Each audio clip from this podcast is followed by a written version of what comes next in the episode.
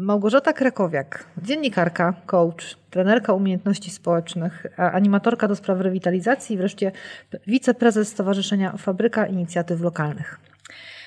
W Bytomiu zachowały się przykłady architektury związanej z dynamicznym rozwojem przemysłu na Górnym Śląsku, tak zwane osiedla patronackie. Co je łączy w szerszej perspektywie regionu i dlaczego warto odwiedzić te zlokalizowane w Bytomiu, jak kolonia Zgorzelec czy nowa kolonia robotnicza w dzielnicy Bobrek? Próbując to jakoś usystematyzować, które mnie w tym temacie najbardziej ciekawią, pociągają i sprawiają, że y, trochę zawodowo, ale trochę też jako pasjonat interesuję się tym tematem, to E, przede wszystkim właśnie idea, sama idea osiedli patronackich, czyli ten związek osiedla e, z patronem, czyli z kimś, kto kiedyś wybudował to osiedle dla mieszkańców, a przede wszystkim dla robotników konkretnego zakładu, albo huty, najczęściej huty, albo najczęściej kopalni. Przy czym mam wrażenie, że w takiej e, opowieści o tych miejscach my zapominamy trochę, że za ten konkretny, ten patron to jest to jest przedstawiciel konkretnego, ważnego rodu y, górnośląskiego, górnośląskich przemysłowców. I w tym wszystkim gdzieś ten wątek nam ucieka. Więc dla mnie ta historia mm, osiedli patronackich przede wszystkim zaczyna się od historii tych rodów. Ja sama nie jestem historykiem, natomiast e, to podkreślanie tej genezy tych, tych osiedli jest dla mnie bardzo ważne. Dlatego e, to jest świetna okazja, żeby przypomnieć takie nazwiska jak e, Ród Szawgoczów, Tyle Winklerów, Balesztremów. No i potem właśnie zapytać, co sprawiło, że te, ten patron zdecydował się wybudować nie tylko zwykłe osiedle do mieszkania, ale coś znacznie więcej. Oczywiście jak e, poodwiedzamy te miejsca na Górnym Śląsku, ale warto też wspomnieć, że też na Zagłębiu, których podobno, jak to podają źródła, jest nawet ponad 400, ich stan jest bardzo różny.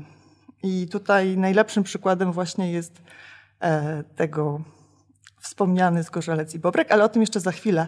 E, chciałam jeszcze właśnie powiedzieć o kolejnej rzeczy. Właśnie o tym, e, o tym dla mnie fascynującym pytaniu, co sprawiło, że ten patron chciał zrobić coś znacznie więcej niż zwykłe miejsce mm, do mieszkania, co oczywiście najlepiej widać na przykładzie Nikiszowca, który jest po prostu E, tutaj podawany jako sztandarowy przykład tego, jak bardzo można było zadbać o jakość życia pracownika i sprawić, żeby, że jego miejsce do mieszkania było po prostu miejscem, z którego nie chciało się po prostu wychodzić i wyjeżdżać.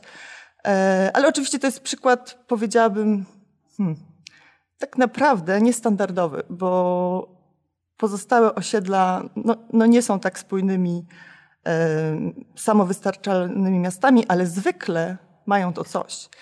E, I czasem to są właśnie ciekawe mm, detale architektoniczne, czasem to jest ciekawa struktura urbanistyczna, a czasem to jest na przykład jakiś wyjątkowy, niezwykły mm, budynek handlowy, jakim jest na przykład Kaufhaus w Rudzie Śląskiej. E, a czasem jest to położenie, mm, jak na przykład w przypadku Zgorzelca, albo zielona architektura, jak w przypadku E, Giszowca, który podobno jest miastem grodem i podobno nim nie jest, bo tutaj y, teorie i koncepcje na ten temat są bardzo różne. Jest Pani między innymi redaktorem publikacji Rozbark Nikiszowiec na wspólnym szlaku, która stanowi ciekawą pozycję dla miłośników turystyki industrialnej na Śląsku. Czy turyści odwiedzający licznie katowicki Nikiszowiec mogą zachwycić się również bytomskim Rozbarkiem? E, tak, zestawienie tych dwóch e, miejsc, właśnie we wspomnianym przez Ciebie przewodniku, e, który powstał w 2016 roku, wywoływało u niektórych entuzjazm, a u niektórych pytania. Dlaczego właśnie takie dwa różne miejsca? No właśnie, niektórzy wręcz mówili o tym, co Ty zawarłaś w tym pytaniu, że no takie nawet nierówne, jeśli chodzi o, o to, co mają do powiedzenia i do przedstawienia.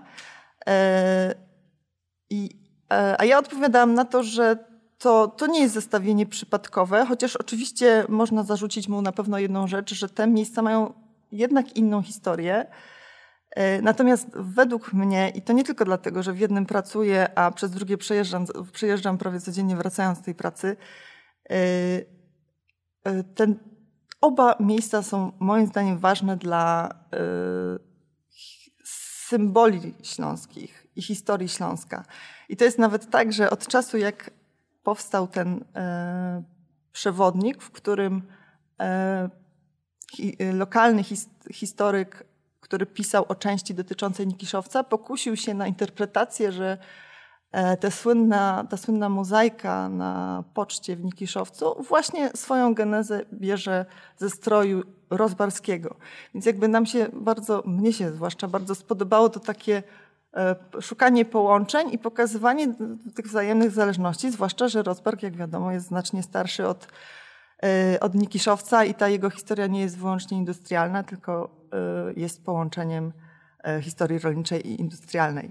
Więc mm, to wraca, no, no, niestety będę powracała, niestety, niestety, muszę uważać na to, co mówię, będę powracała do Nikiszowca, ale moim zdaniem on jest przykładem jednej z wielu historii, e, a nie jest przykładem na, i przyjeżdżając na Śląsk i próbując zrozumieć Śląsk, należy odwiedzać takie miejsca jak Nikisz, ale należy odwiedzać też takie miejsce jak Rozbark. E, a z drugiej strony te miejsca moim zdaniem bardzo dużo łączy i między innymi jest to Y, znaczenie symboliczne i dosłowne Kościoła, y, które w obu miejscach jest źródłem tradycji, tożsamości, ale też tak manifestowania swojej przynależności. Oba miejsca są też imponujące dla, dla przyjezdnych. Ja spotkałam się też no, zwłaszcza w Nikiszowcu, gdzie też pracuję jako przewodnik z takimi pytaniami, zwłaszcza od turystów, głównie od turystów zagranicznych, czy to jest katedra, co to jest za budynek. Więc wyobrażam sobie turystów, którzy przyjeżdżają do, do Rozbarku i widzą kościół świętego Jacka, że, że jeszcze, ten jeszcze bardziej monumentalny kościół moim zdaniem może w nich wywoływać też te pytania. Ale mm, wracając do, do tego, co, co łączy y, oba miejsca, to właśnie moim zdaniem ta wspólnota, która i tu, i tu bardzo mocno się w, jest związana z Kościołem właśnie. Y, nie chcę powiedzieć, że i tu, i tu żyją społeczeństwa wyłącznie tradycyjne, ale one są nośnikiem właśnie tej ciągłości, która dla obu miejsc moim zdaniem jest bardzo ważna i jest właśnie tym, wokół czego buduje się historię, narrację obu, obu miejsc. E, I myślę sobie, że e, zresztą moje doświadczenie przy pisaniu tego, tego przewodnika było właśnie takie, że gdy poszukiwałam osób, które chcia, e, mogłyby mi udzielić wywiadu do części dotyczącej rozbarku, właśnie znalazłam je wśród osób związanych z Kościołem. Mm.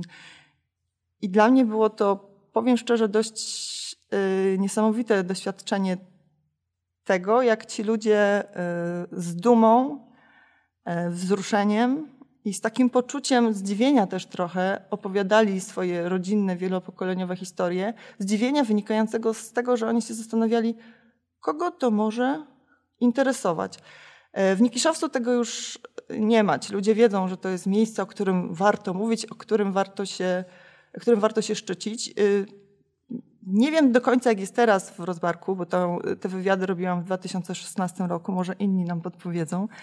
Natomiast y, dla mnie to było bardzo niesamowite doświadczenie, wręcz, wręcz wzruszenia się tych ludzi tym, że ktoś ich pyta o, o historię tego miejsca. I ja y, na, ten, y, na tę okoliczność chciałabym zacytować tutaj wypowiedź jednej y, z mieszkanek, która właśnie mówi coś takiego ładnego.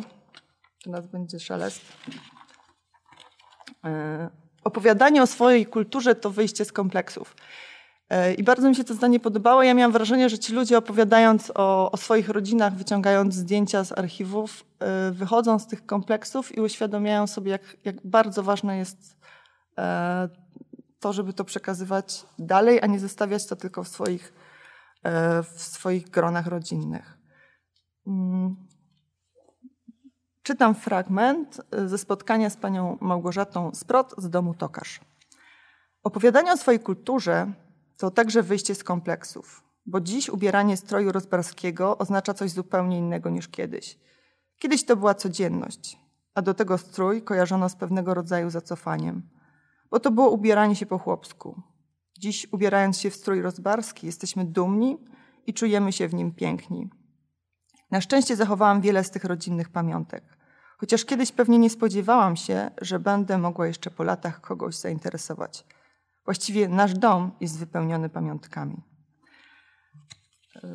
I dalej jest opis stroju rozbarskiego. Więc to jest ten niematerialny, ale moim zdaniem bardzo ważny wątek, który może przyciągać, przyciągać turystę, przyciągać przyjezdnego, który myślę, że pomimo tego, że jest coraz bardziej wymagający, to jednak, jednak właśnie w tym miejscu odnajdzie tą, tą autentyczność. E, myślę, że kolejna rzecz, która łączy oba miejsca, chociaż e, historycznie jest troszkę różna, to, to, to górnicze wątki, górnicza, górnicza historia e, obu miejsc, która też w przypadku, w przypadku rozbarku ma już kolejny rozdział. Czyli rzecz jasna chodzi o mm, Bytomski Teatr Tańca i Ruchu Rozbark.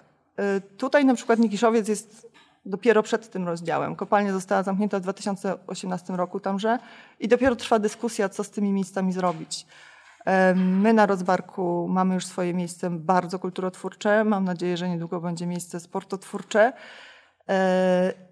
E, I to jest coś, co, co, co, może przyciągnąć turystów. A i trochę ubolewam nad tym, że nawet moi katowicy znajomi tak niewiele wiedzą o tym, co się w tym teatrze dzieje i że mamy tutaj swoje, y, swój oddział Akademii Sztuk Teatralnych. I gdzieś mam wrażenie, że, że, że potencjał tego miejsca nie do końca jest od, odpowiednio e, wykorzystany. Natomiast e, z kolejnych mm, miejsc, a może też troszkę takich pomysłów na rozbark, to, to jest odkryta, przyznam szczerze, dość niedawno przeze mnie dopiero, e, promenada, którą przeszłam się Y, jako mm, związane, związane było z tym, że, że w drugi dzień świąt zwykle jak gdzieś wyjeżdżam i chcę się wtedy pod, poczuć, poczuć jako podróżnik i, i y, bądź turysta w najgorszym przypadku. No i nie było takiej możliwości, więc zostałam, musiałam zostać w swoim mieście. I postanowiłam wrócić na Rozbark i przeszłam się promenadą i wtedy poczułam się naprawdę jak turysta.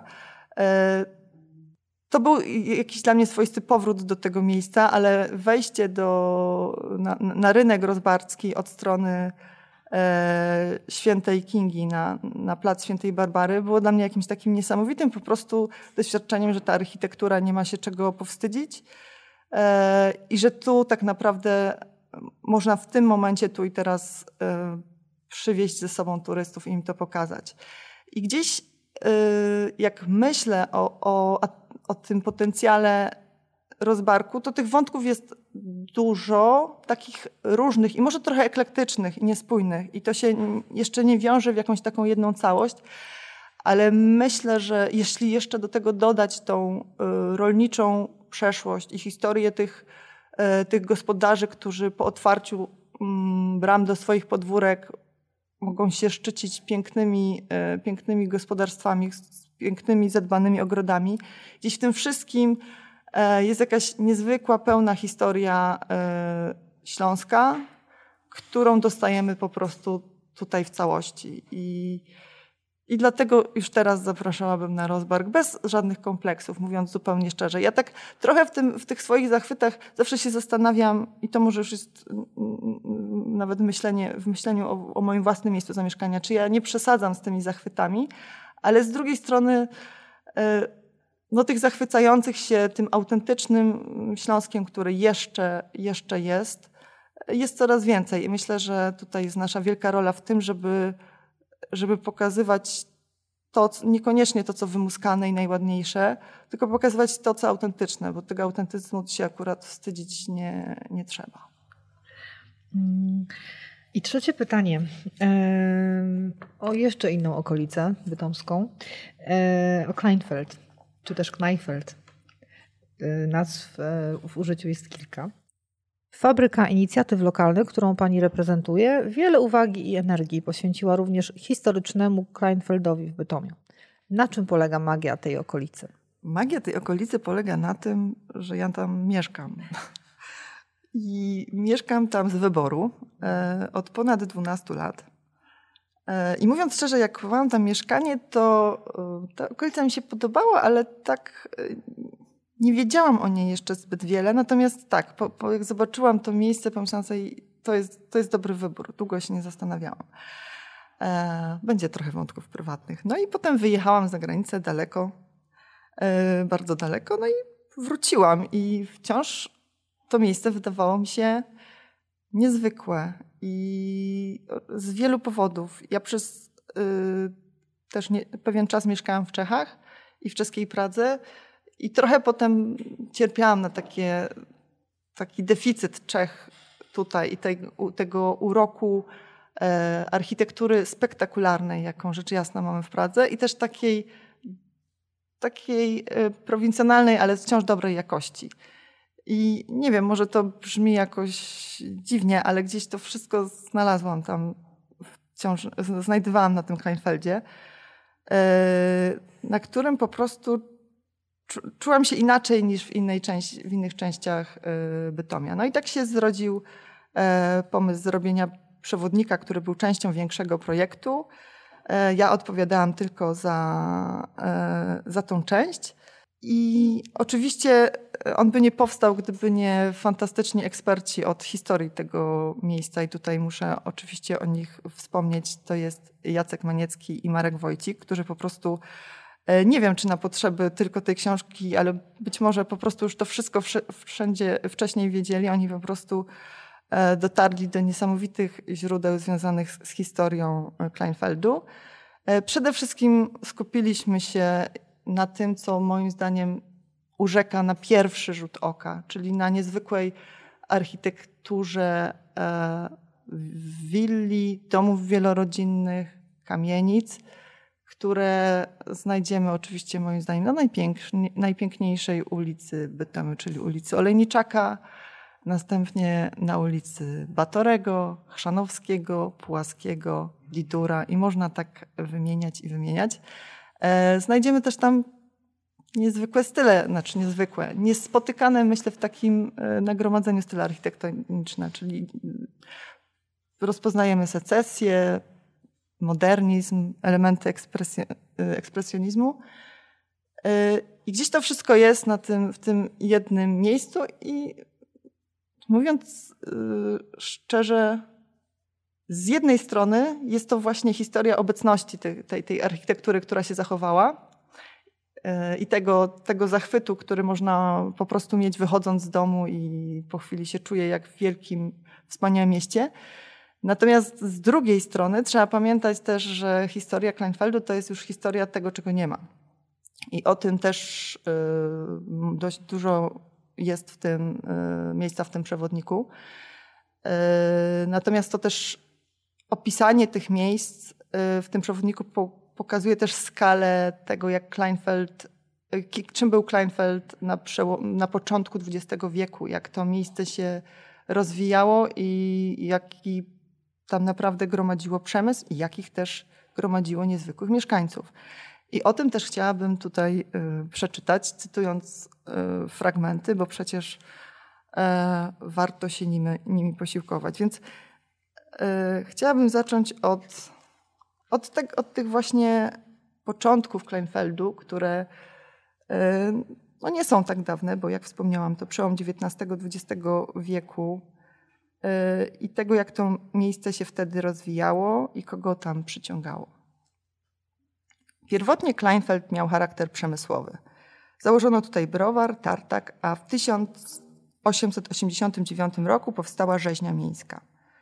Dla uzmysłowienia sobie skali tych zakładów warto wspomnieć, że tartak Goldsteina był w owym czasie największym tego typu zakładem w całych Niemczech, zaś w rzeźni ubijano roczne, rocznie, dane z 1900 roku, ponad 60 tysięcy sztuk bydła i to jeszcze przed kolejną rozbudową zakładu w 1910 roku.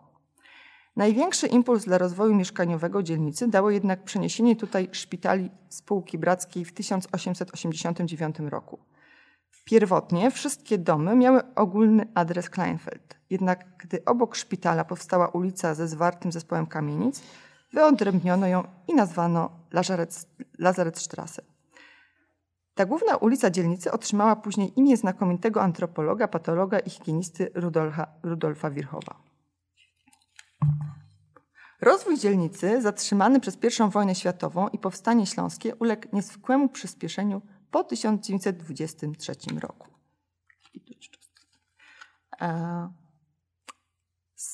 Dzięki kapitałowi dużych firm budowlanych e, po I wojnie światowej powstała zabudowa wokół ulicy Pułaskiego.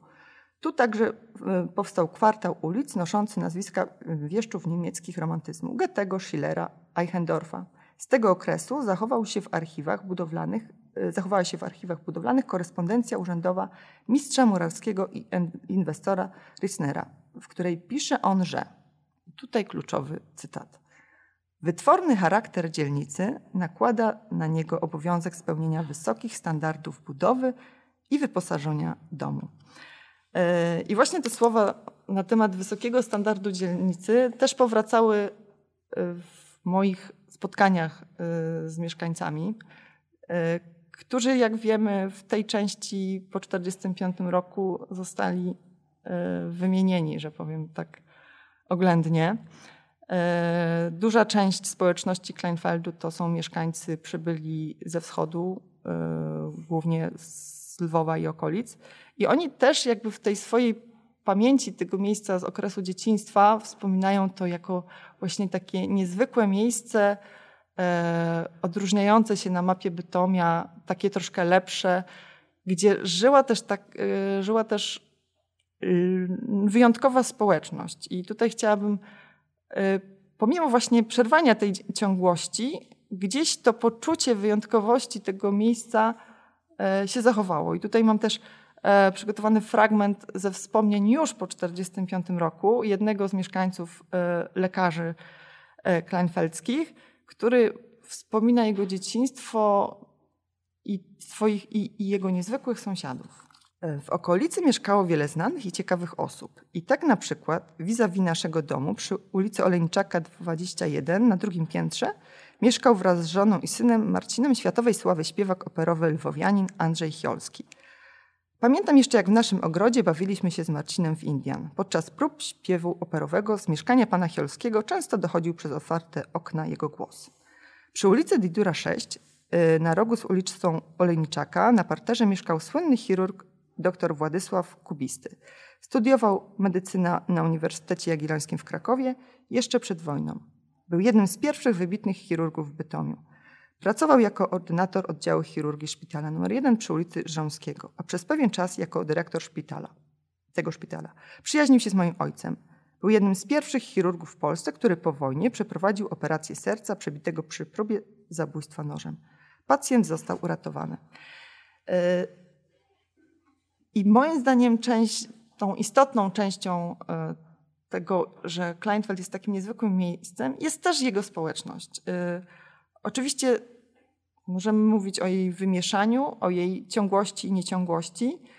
E, natomiast dla mnie w to, w jaki sposób opowiadają o tym miejscu ludzie, którzy mieszkają tam od pierwszego pokolenia, też pokazuje to, jak to miejsce sprawia, że my tam czujemy się u siebie. I tym przy, przykładem na to też najlepszym jestem ja. ja. Ja nie jestem bytomianką z urodzenia, tylko jestem chorzowianką z urodzenia, a po prostu o Kleinfeldzie mówię jako o, o miejscu, o moim miejscu. I e, kiedy miałam nawet taki moment e, dwa lata temu myślenia o tym, żeby się wyprowadzić stamtąd, e, to zaczęłam się rozglądać po Ogliwicach i okolicy i pomyślałam sobie, gdzie ja znajdę taki drugi Kleinfeld. I no i póki co zrezygnowałam, bo okazuje się, że takiego drugiego Kleinfeldu nigdzie, e, nigdzie nie ma. Więc myślę, że powodów, żeby, żeby odwiedzić e, to miejsce jest wiele.